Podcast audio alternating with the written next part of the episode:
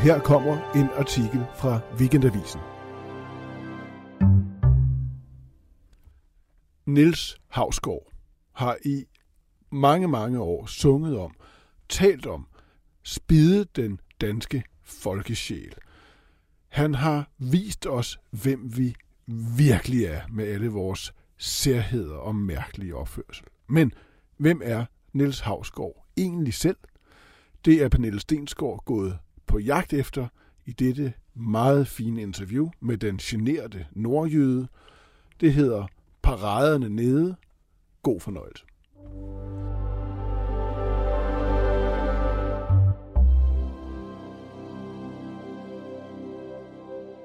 Endelig siger Niels Havsgaard noget om sig selv.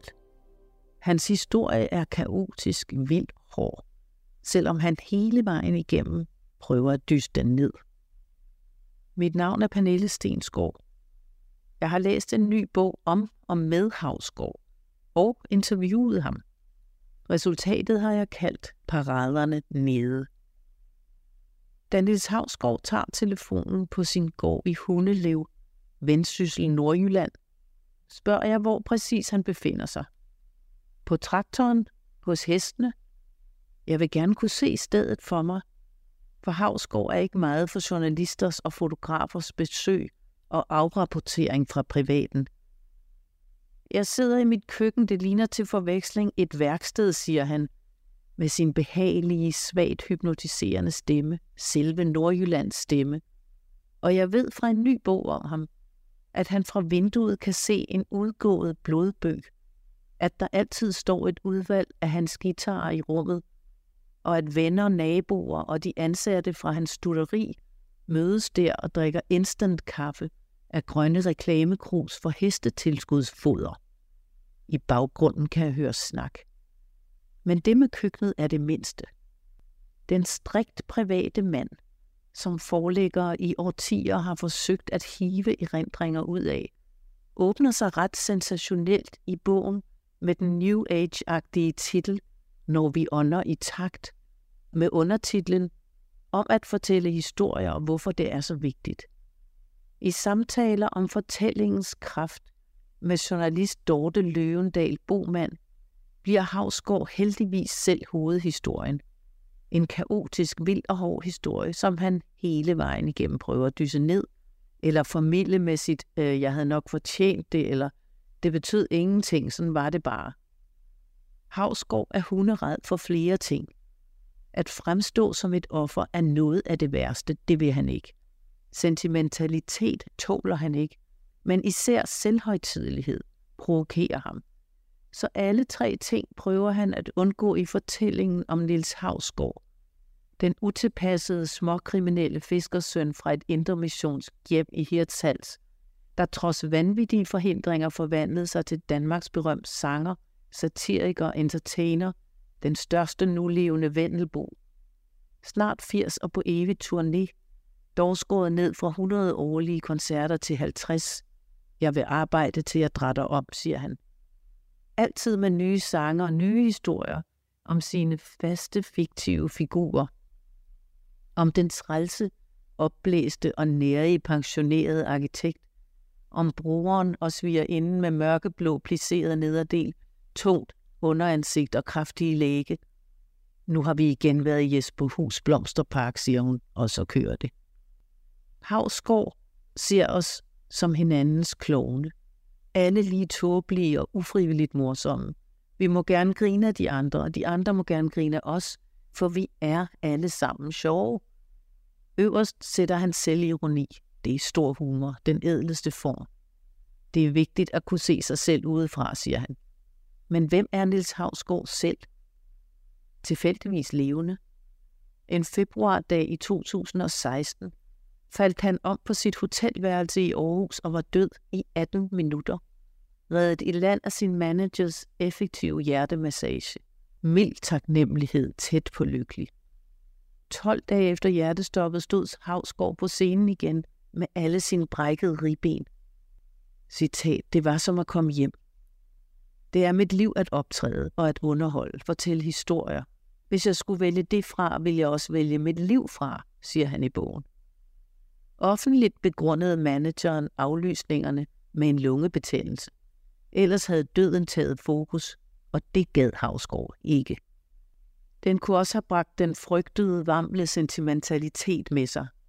Men det med hjertet er det mindste. Hans far og Gud fylder en skæbnesvanger kombination. Faren var en dygtig og overmodig fisker, der uden videre hensyn sejlede ud i hårdt vejr, fordi han havde lagt sit og søndens liv i Guds hænder, og Gud måtte gøre med ham, hvad han ville. Sjov og ballade var satans værk, fantasi var løgn. Havsgårds mor kunne grine, men gik afsides for at gøre det. I hendes familie var der mange gode historiefortællere. De fleste rolige landmænd gennem generationer. Til store familiesammenkomster med torsk stegt som bøf med bløde løg, og i en tåge af tobaksrøg, begyndte de lige så lavmældt at fortælle deres lange, ofte pointesvage, men vidunderligt labyrintiske historier. Hver sætning sluttede med en forventning om noget mere, der var genialt. De andre i stuen blev stille og lyttede, og alle sad der og var sammen om noget. I en lykkeligere tid, før farens religiøse vækkelse, før skyld og skam, sejlede han og hørte tango i Argentina. Han lærte sig selv at spille den på violin. Drengen Nils plagede, og faren spillede en pragtfuld tango, men blev straks overfaldet af flere dages anger og gik helt i spåner. Moren bad Nils om aldrig at spørge igen. Far og søn kom kun momentvis tæt på hinanden. De forstod ikke hinanden. Og drengen gjorde modstand med at ryge, med herværk, indbrud, ulydighed, alt muligt lort og drama, som han siger. Men det med hans far er det mindste. Opdragelsesanstalten er det meste. Den sidder så fast i ham, at han synes, han skal være sovesalens stemme. De svages stemme. Nils Havsgaard var 9 eller 10 år gammel, da en dame fra børneværnet kom og hentede ham i Hirtshals. Sammen rejste de med tog og bus til Himmelbjerggården i Østjylland, hvor han skulle blive til han var konfirmeret. Lusinger, hårdt arbejde i skoven og på markerne, højt pigtrådsregn om det hele, så godt som ingen skolegang. Klasserne var rent kaos, og alle aldre blandet sammen. Ingen omsorg fra de voksne, og vaksomhed og facade mellem drengene. Ikke vise svaghed, paraderne oppe, ikke blotte sig.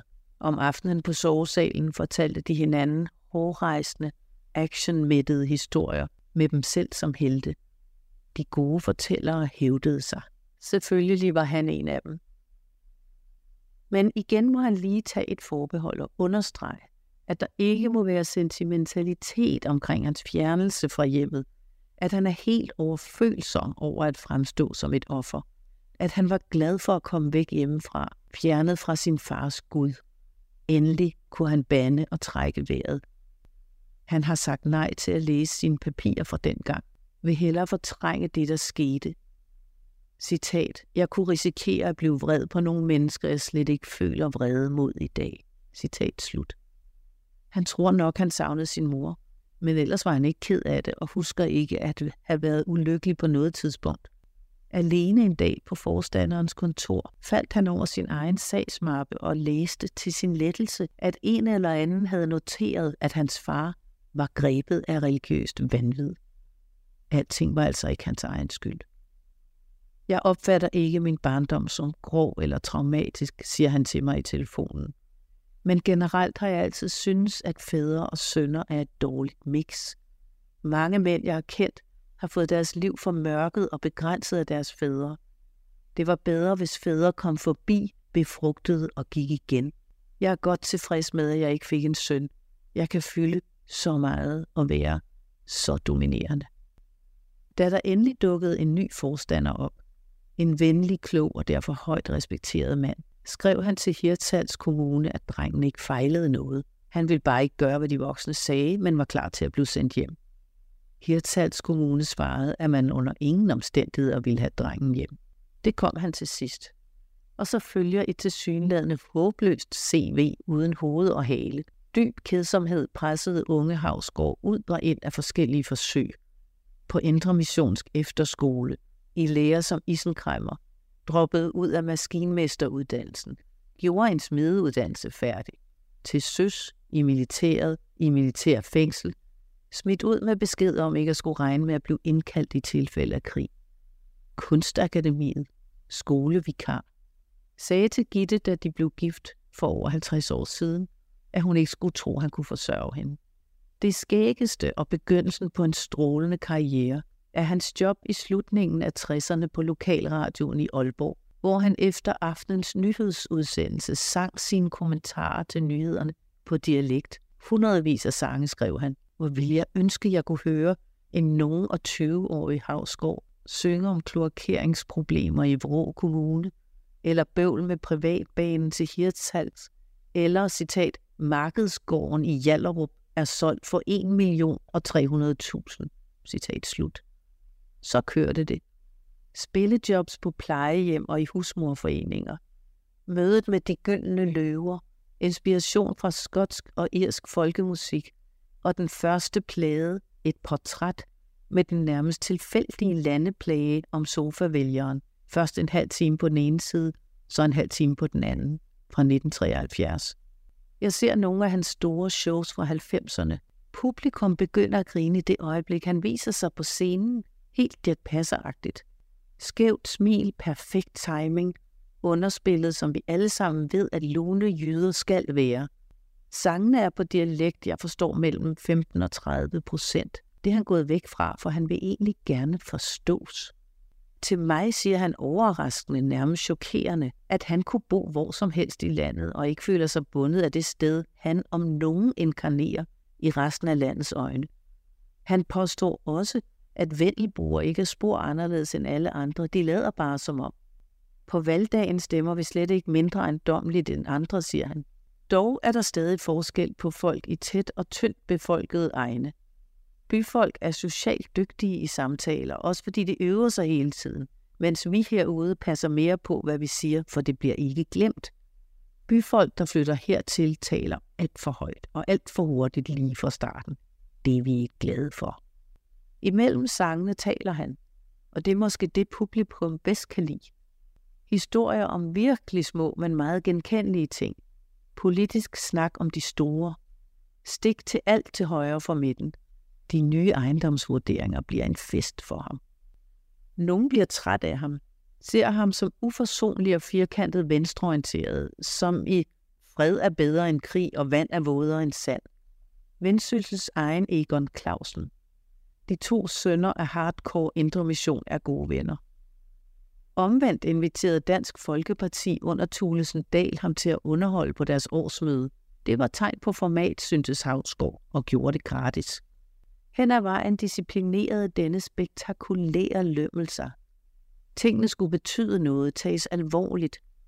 Kunstakademiet var for landet for ham. Citat. Folk trak i noget spraglet tøj, dansede rundt og røg sig skæve. De ville ingenting. Det forekommer lidt slapt, lidt uinteressant. Man kunne ikke tage sig sammen til noget som helst. Det kunne jeg ikke være i. Citat slut. Hans kone Gitte døde, da han var på turné og dagen efter hendes bisættelse stod han til manges forarvelse på scenen igen. Det ville hun da have syntes, han skulle, siger han til bogens Dorte Løvendal Bomand, en virkelig dygtig fisker i det blufærdige hav, der hedder Niels Havsgaard.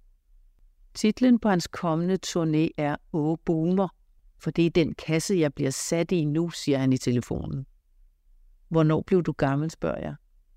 Måske da jeg kunne mærke, at især yngre menneskers opmærksomhed røg et andet sted hen, og jeg følte mig en lille smule transparent. Det kom bag på mig. På turné med unge mennesker begyndte de også at tale højt og lidt langsomt til mig. Indbyrdes havde de et selvfølgeligt samvær, som jeg kom mere og mere udenfor. Jeg havde svært ved at forlige mig med det. Men jo mere man prøver at mase sig ind, desto mere latterligt bliver det. Hvordan bør man blive gammel, spørger jeg. Regel nummer et. Ikke prøve at være ung. Nummer to. Bevare sin nysgerrighed, også med hensyn til det at blive gammel. Vi har kun oplevet det udefra, nu skal vi også indefra. Og huske på, hvordan vi selv så på gamle, da vi var yngre. De var godt nok også tit i vejen. Skal vi gå af vejen? Nej, vi skal bare være nysgerrige, siger han. Hvis vi ikke holder leret fugtigt, kan vi ikke forme figuren, vi størkner. Er du egentlig den samme, som da du var dreng? Nej, i høj grad ikke. Som barn tager man meget skyld og skam på sig. Nu kan man se, at det fandme ikke var ens egen skyld. Tak for at lytte med, og hør alle Weekendavisens artikler på weekendavisen.dk.